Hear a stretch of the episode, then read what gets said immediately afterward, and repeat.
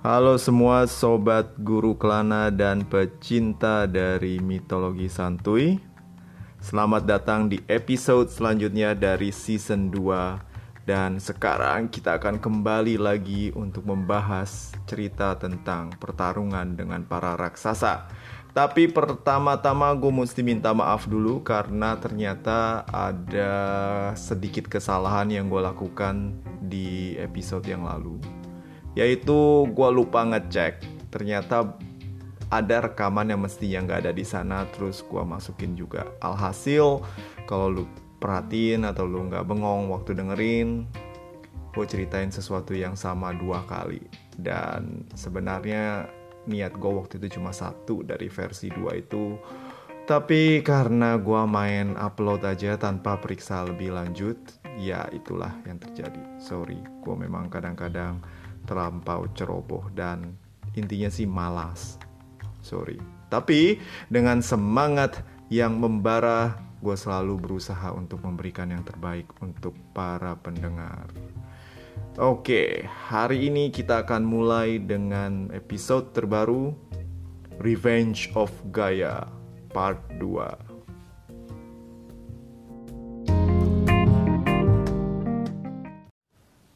Di episode yang lalu kita tinggalkan Gaya dalam kesedihannya. Marah, dongkol, kesal karena cucunya sendiri membantai semua anak-anaknya. Gaya yang sekarang sendirian, penuh dendam, berusaha untuk membalaskan dendam para raksasa yang telah dibantai atau telah dibuang oleh Zeus ke dalam Tartarus. Satu-satunya hal yang bisa dilakukan Gaya saat ini adalah menumbuhkan atau melahirkan suatu bencana, suatu monster, suatu makhluk yang begitu dikjaya dan kuat untuk mengalahkan Zeus yang kini sekarang sudah bersenjatakan kilat. Bagi Gaya, melahirkan monster itu bukan hal yang sulit terbukti kalau Gaia sudah berhasil melahirkan banyak raksasa dan juga para titans. Namun kali ini Gaia berusaha menghasilkan satu keturunan yang akan menggoncang alam semesta. Satu-satunya yang dapat menghasilkan suatu kekuatan yang luar biasa adalah gabungan atau hubungan yang sangat tercela antara bumi dan neraka. Gaya sebagai manifestasi dari bumi lalu menghampiri satu-satunya yang sangat mengerikan bagi semua makhluk termasuk bumi, termasuk bumi, termasuk para dewa itu sendiri, yaitu Tartarus. Tartarus adalah neraka dalam mitologi Yunani dan layaknya sebagai suatu tempat atau suatu tenaga dalam mitologi bangsa Helenis ini. Tartarus juga mempunyai personifikasi dan dapat berwujud seperti manusia. Gaya dalam wujud manusia lalu kemudian berhubungan dengan Tartarus. Dari hubungan kedua dewa ini lahirlah anak-anak yang mengerikan. Anak-anak yang memiliki kemampuan lebih dari para dewa dan juga merupakan ancaman bagi kelangsungan hidup mereka. Anak yang pertama adalah Typhoon. Typhoon atau Typhus yang kemudian diadopsi dalam beberapa kata dalam bahasa Inggris seperti kata typhoon yang mungkin juga berasal dari bahasa Chinese yaitu typhoon. Lalu kata typhoid atau penyakit tifus yang kita tahu juga berbahaya dan mengerikan di zaman itu. Dan typhoon musuh yang akan kemudian bangkit melawan para dewa Olympians ini adalah makhluk yang sulit untuk dihadapi. dilihat saja sudah mengerikan apalagi dilawan.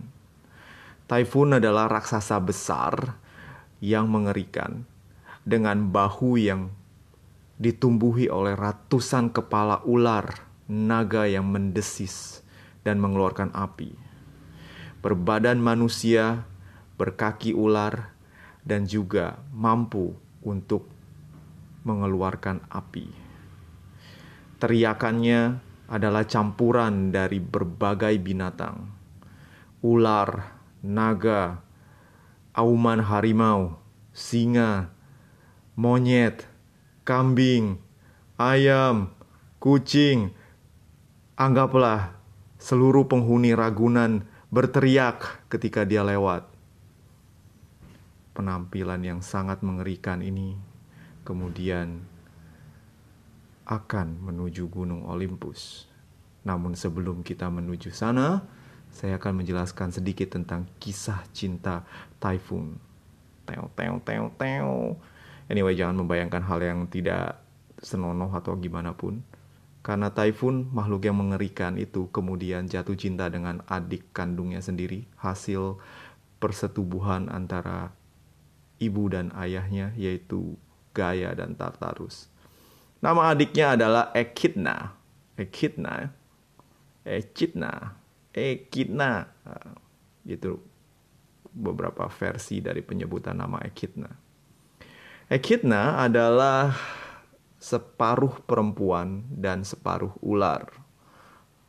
Wanita yang mengerikan, badannya separuh ular dari pinggang ke bawah dan dari pinggang ke atas adalah wanita. Lidahnya mendesis-desis, matanya merah, rambutnya biasa tidak seperti Medusa. Penampilan yang mengerikan ini mengingatkan saya pada Nyai Blorong So, ya kalau kamu ingin membayangkan bagaimana tampang dari Echidna, bayangkan saja Nyai Blorong minus baju Jawa dan aksen Jawa tentunya. So, Typhoon dan Echidna memiliki beberapa anak yang kemudian menimbulkan masalah lagi bagi para keturunan dewa di masa depan. Namun tidak semua beberapa malah menjadi binatang peliharaan dari para dewa. Oke. Pertama anaknya adalah Ortrus, yaitu anjing kepala dua yang kemudian menjadi anjing penjaga cattle alias ternak dari satu raja di bumi. Saya lupa namanya, maaf. Yang kedua adalah Kerberus atau Cerberus, yaitu anjing berkepala tiga yang memiliki kemampuan untuk menakut-nakuti alam roh. Dan Cerberus adalah binatang peliharaan Hades. Diletakkan di pintu mulut neraka agar setiap makhluk atau arwah yang masuk ke dalam tidak bisa keluar lagi. Setelah Cerberus, anak dari Typhoon dan Echidna adalah Hydra. Hydra adalah ular ya, ular naga dan hal yang sangat mengerikan dari makhluk ini adalah makhluk ini nyaris tidak bisa mati. Setiap kepalanya dipenggal akan tumbuh 10 kepala menggantikan kepala yang dipenggal tersebut. So, kalau awalnya lu ketemu satu hydra, lu potong kepalanya dengan pedang, lalu akan tumbuh 10 sebagai ganti dari uh, kepala yang putus itu. Hydra juga menginspirasi musuh dari Captain America Red Skull yaitu organisasi Hydra, Hail Hydra. Itu loh. Well, ya, kalau lu fans Avengers and Captain America mungkin lu udah tahu apa yang gue maksud. So, Hydra di kemudian hari akan berhadapan dengan Hercules dan dikalahkan oleh Hercules dengan bantuan Iolaus temannya yang memiliki ide setiap kali Hercules berhasil memenggal kepala dari Hydra, kemudian bekas penggalannya itu dibakar dengan obor supaya tidak tumbuh lagi. Ide yang bagus. Dan selanjutnya adalah monster yang menurut gua siapa pun yang menggambarkan monster ini sepertinya sedang high. High kenapa? Karena monster ini bagi gue sendiri gak masuk akal. Jadi selanjutnya, nih nih dengerin ya. Monster ini bernama Chimera atau Chimera. Chimera aja lebih enak. So, Chimera ini makhluk yang wujudnya itu singa. Terus memiliki kepala singa juga. Terus memiliki kepala kambing. Terus ekornya ular. Nah, lu bayangin. Entah berapa linting ganja yang dihirup oleh orang yang bikin cerita ini sampai bisa membayangkan binatang seperti ini. Anyway, um, konon Chimera ini memiliki kemampuan untuk mengeluarkan api dan apinya itu bisa melelehkan batu-batuan. Dan ada satu tempat di Turki yang namanya Olympos dan di sana ini ada um, konon katanya Chimera pernah dibunuh eh dibunuh dan dibantai oleh satu pahlawan oleh Bellerophon kalau nggak salah. Dan mayatnya itu ditutup dengan gunung dan sampai sekarang masih mengeluarkan api. Jadi kalau lu jalan-jalan ke Turki di kota yang namanya Olympos di sepanjang pantai selatan Turki lu bakal tahu kalau ada tempat di mana api dari Chimera, makhluk jahanam, anak dari bumi dan neraka ini lahir dan masih terkubur. Oke, cukup dengan penjelasan keluarga kecil dari Gaia dan juga Tartarus, serta keturunan-keturunannya yang mengerikan dan lebih cocok masuk dalam komik apokaliptik ala manga Jepang. Sekarang kita lanjut ke narasi cerita pembalasan dendam Gaia.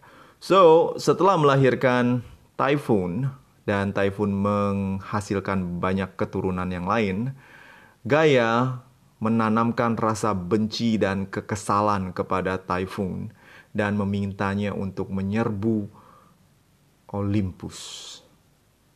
Merebut hegemoni tertinggi dari alam semesta, yaitu kekuasaan yang kini dipegang oleh Zeus, sang dewa kilat dan halilintar tersebut. Typhoon yang lahir dari api neraka dan perut bumi, langsung menyanggupi permintaan dari ibundanya. Dengan percaya diri dan tahu bahwa dirinya memiliki kemampuan yang sungguh luar biasa, Typhoon bergerak sendirian menuju Olympus. Penampakannya yang sangat mengerikan ketika sampai di kaki Gunung Olympus membuat para dewa ketakutan. Semuanya melarikan diri. Sebagian besar dari mereka melarikan diri ke Mesir dan mengambil rupa binatang agar tidak ketahuan oleh Typhoon. Hanya Zeus, sang raja para dewa, yang tinggal dan tak bergeming menghadapi tantangan dari Typhoon. Dari jauh, Zeus melempar kilat dan berhasil melukai Typhoon. Zeus menghampiri Typhoon dengan sekuat tenaga dan secepatnya. Namun Typhoon yang penuh dengan kesanggupan dan juga energi panas yang meluap-luap dari mulutnya membakar Zeus dengan hirupan api. Sadar bahwa dirinya tidak bisa mengalahkan makhluk dari neraka ini dengan tangan kosong. Zeus menggunakan celurit dari bahan adamantium, logam yang dapat membunuh para dewa. Celurit ini kemudian dipakai untuk menghadapi sang Typhoon. Namun Typhoon yang memiliki begitu banyak tangan dan juga kepala mengeluarkan suara yang sangat mengekakan. Suara kebun binatang yang membuat Zeus hilang fokus namun pergerakan mereka berdua lalu menghasilkan suatu pertempuran yang luar biasa. Bagi para dewa yang sedang mengambil rupa seekor oh, binatang itu, para binatang bukan seekor, banyak banget para dewa berubah-berubah. Pertarungan antara Zeus dan Typhoon ini mirip badai dan guntur. Begitu ganas, berputar, dan menghancurkan segala yang ada. Dengan celurit adamantium, Zeus berhasil melukai Typhoon. Typhoon lalu melarikan diri ke Gunung Kasios dan kemudian melanjutkan pergulatannya dengan Zeus yang terus mengejarnya. Setelah dalam jarak dekat, Typhoon memiliki satu ide. Zeus dipeluknya dan dengan ekornya yang dengan ekor ularnya yang licin, beliau membelit dan membekap Zeus sampai Zeus tidak bisa bergerak. Salah satu ujung dari tentakel tangannya kemudian merebut celurit adamantium Zeus. Dengan celurit tersebut, Typhon berhasil melukai tangan dan kaki Zeus. Celurit tersebut memotong otot tangan dan kaki dari Zeus. Zeus yang merasa kesakitan berteriak, Sang Dewa, Sang penguasa alam semesta, takluk oleh monster, karya bumi dan neraka. Tubuh Zeus yang lunglai dan lumpuh dibawa oleh typhoon dan diletakkan di dalam satu gua yang penuh dengan kegelapan. Gua Korisian di provinsi Silisia pada zaman Romawi dan sekarang kita kenal dengan nama Turki. Otot dari sang dewa kemudian disimpan dalam kulit beruang dan dijaga oleh seorang peri hutan yang juga merupakan anak buah dari Typhoon. Sementara itu para dewa yang berada di Mesir galau. Apa yang harus kami lakukan?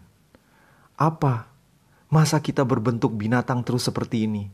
Kenapa kita tidak membela Zeus? Kenapa kita tidak berusaha melawan Typhoon? Kita memang tidak berdaya, tapi kita sanggup mendukungnya. Masa kita kabur begitu saja? Athena yang cerdas kemudian melakukan satu tindakan. Dengan cerdasnya anak dari Zeus ini kemudian menyusun satu strategi. Satu strategi yang hanya bisa dipenuhi oleh satu dewa, yaitu Hermes. Athena meminta Hermes untuk pergi dan mencuri otot dan kaki, otot dari kaki dan tangan Zeus dan mengembalikan otot tersebut kepada tubuh Zeus. Hermes yang dalam yang sejak lahir sudah lahir dengan kondisi suka nyolong kemudian menyanggupi permintaan dari Athena. Gerakan Hermes yang begitu cepat dan begitu tegas tidak bisa dilihat oleh peri penjaga gua Korisian. Hermes dengan mudah mencuri otot dari Zeus dan kemudian meletakkannya kembali kepada tubuh Zeus yang sudah terbujur kaku dan seolah tak ada harapan hidup lagi. Dengan menambahkan otot tersebut ke dalam tubuhnya, Zeus bangkit dan siap bertarung dengan Typhoon. Zeus yang kembali bugar kemudian datang keluar dari persembunyiannya di gua Korisian. Zeus menantang kembali sang Typhoon yang kini menduduki Olympus. Dengan tangannya yang mengeluarkan kilat, Zeus melemparkan kilat tersebut ke singgasana yang dulu merupakan miliknya. Tak menyadari bahaya yang sedang mengancamnya, Typhoon duduk santai menikmati tahta yang telah lama diidamkannya. Namun seketika serangan kilat tersebut mampir ke dadanya terluka karena serangan Zeus yang begitu tiba-tiba. Sang Typhoon, sang raksasa penakluk segala, kemudian melarikan diri dan berusaha memulihkan kondisi dirinya yang terkejut dan juga terluka akibat serangan halilintar dari Zeus. Pada saat inilah Typhoon menghampiri para dewi nasib atau Moirai yang mengetahui awal dan akhir dari kehidupan tiap makhluk di muka di alam semesta. Para Moirai yang sadar bahwa Typhoon adalah suatu ancaman bagi kestabilitan apa itu kestabilitan ketenangan alam semesta kemudian memberikan Typhoon suatu nasihat dan juga makanan. Typhoon diminta untuk memakan suatu buah, buah misterius yang bernama buah fana. Fana atau dalam bahasa Indonesia. Lah, fana kan bahasa Indonesia. Pokoknya buah ketidakabadian. Buah ini akan mengakibatkan seorang yang memakannya menjadi tidak abadi, alias lemes, dan tidak hidup abadi lagi. Typhoon sebagai keturunan dari para dewa juga merupakan makhluk yang immortal. Nah, setelah memakan buah fana ini, Typhoon sadar dirinya telah diperdaya oleh Moirai dan kemudian dirinya lemah, letih, lesu, tak berdaya, dan kabur ke dataran Trakia yang sekarang sudah menjadi bagian dari Bulgaria. Zeus tidak ingin kehilangan mangsanya, kemudian mengejar Typhoon sampai ke Bulgaria, ke Trakia. Dan sesampainya di sana, Typhoon melakukan serangan dadakan dengan melempar sebuah gunung ke arah Zeus. Zeus menyadari sebuah gunung menghampirinya lalu menyiapkan halilintar paling besar dan kemudian melemparkan halilintar tersebut ke gunung yang dilemparkan ke arah dewa halilintar tersebut. Serangan dari Zeus kemudian berbalik menyerang Typhoon. Gunung yang dilemparkan tersebut kemudian melukai Typhoon. Typhoon yang benjol, berdarah-darah, palanya bocor karena ditimpa gunung barusan, melarikan diri lagi ke pulau Sicily. Sementara itu, gunung yang tadinya dilempar balik oleh Zeus ke arah Typhoon, kemudian dikenal dengan nama Mount Haemus atau dalam bahasa Inggris Bloody Mountain. Pelarian typhoon ke Pulau Sisilia dalam bahasa Indonesia atau Sicily dalam bahasa Inggris tidaklah mulus. Sesampainya di Sicily, Zeus yang telah mengejarnya lalu menyiapkan penjara sekaligus hukuman mati bagi sang monster. Zeus dengan satu tangan memegang kilat, satu tangan memegang gunung, lalu melemparkan kilat kepada Typhoon yang kemudian melumpuhkannya dan jatuh terbaring tak berdaya. Dengan satu tangan lagi, Zeus melemparkan satu gunung dan menimpa sang monster yang kemudian terkurung oleh gunung yang kemudian kita kenal sekarang sebagai Gunung Etna atau Mount Etna.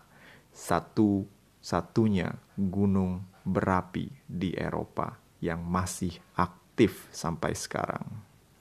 Konon ketika typhoon bergerak dan kemudian mengakibatkan gempa, penduduk Sisilia akan menyadari bahwa sang monster mungkin akan bangun. Bangun tidak dalam wujudnya yang seperti dulu, namun api dan juga lahar yang dimuntahkan dari perut bumi melalui Gunung Etna merupakan wujud kemarahannya kepada sang dewa halilintar, Zeus.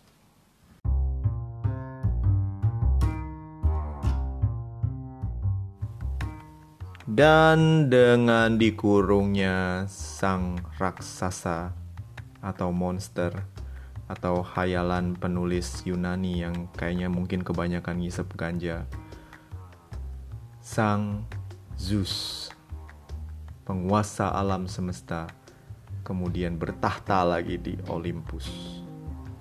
Gaia yang sudah kehabisan cara untuk menumbangkan Zeus akhirnya mengakui kekuatan dan kekuasaan sang cucu yang kemudian tak pernah lagi diusik oleh Gaia.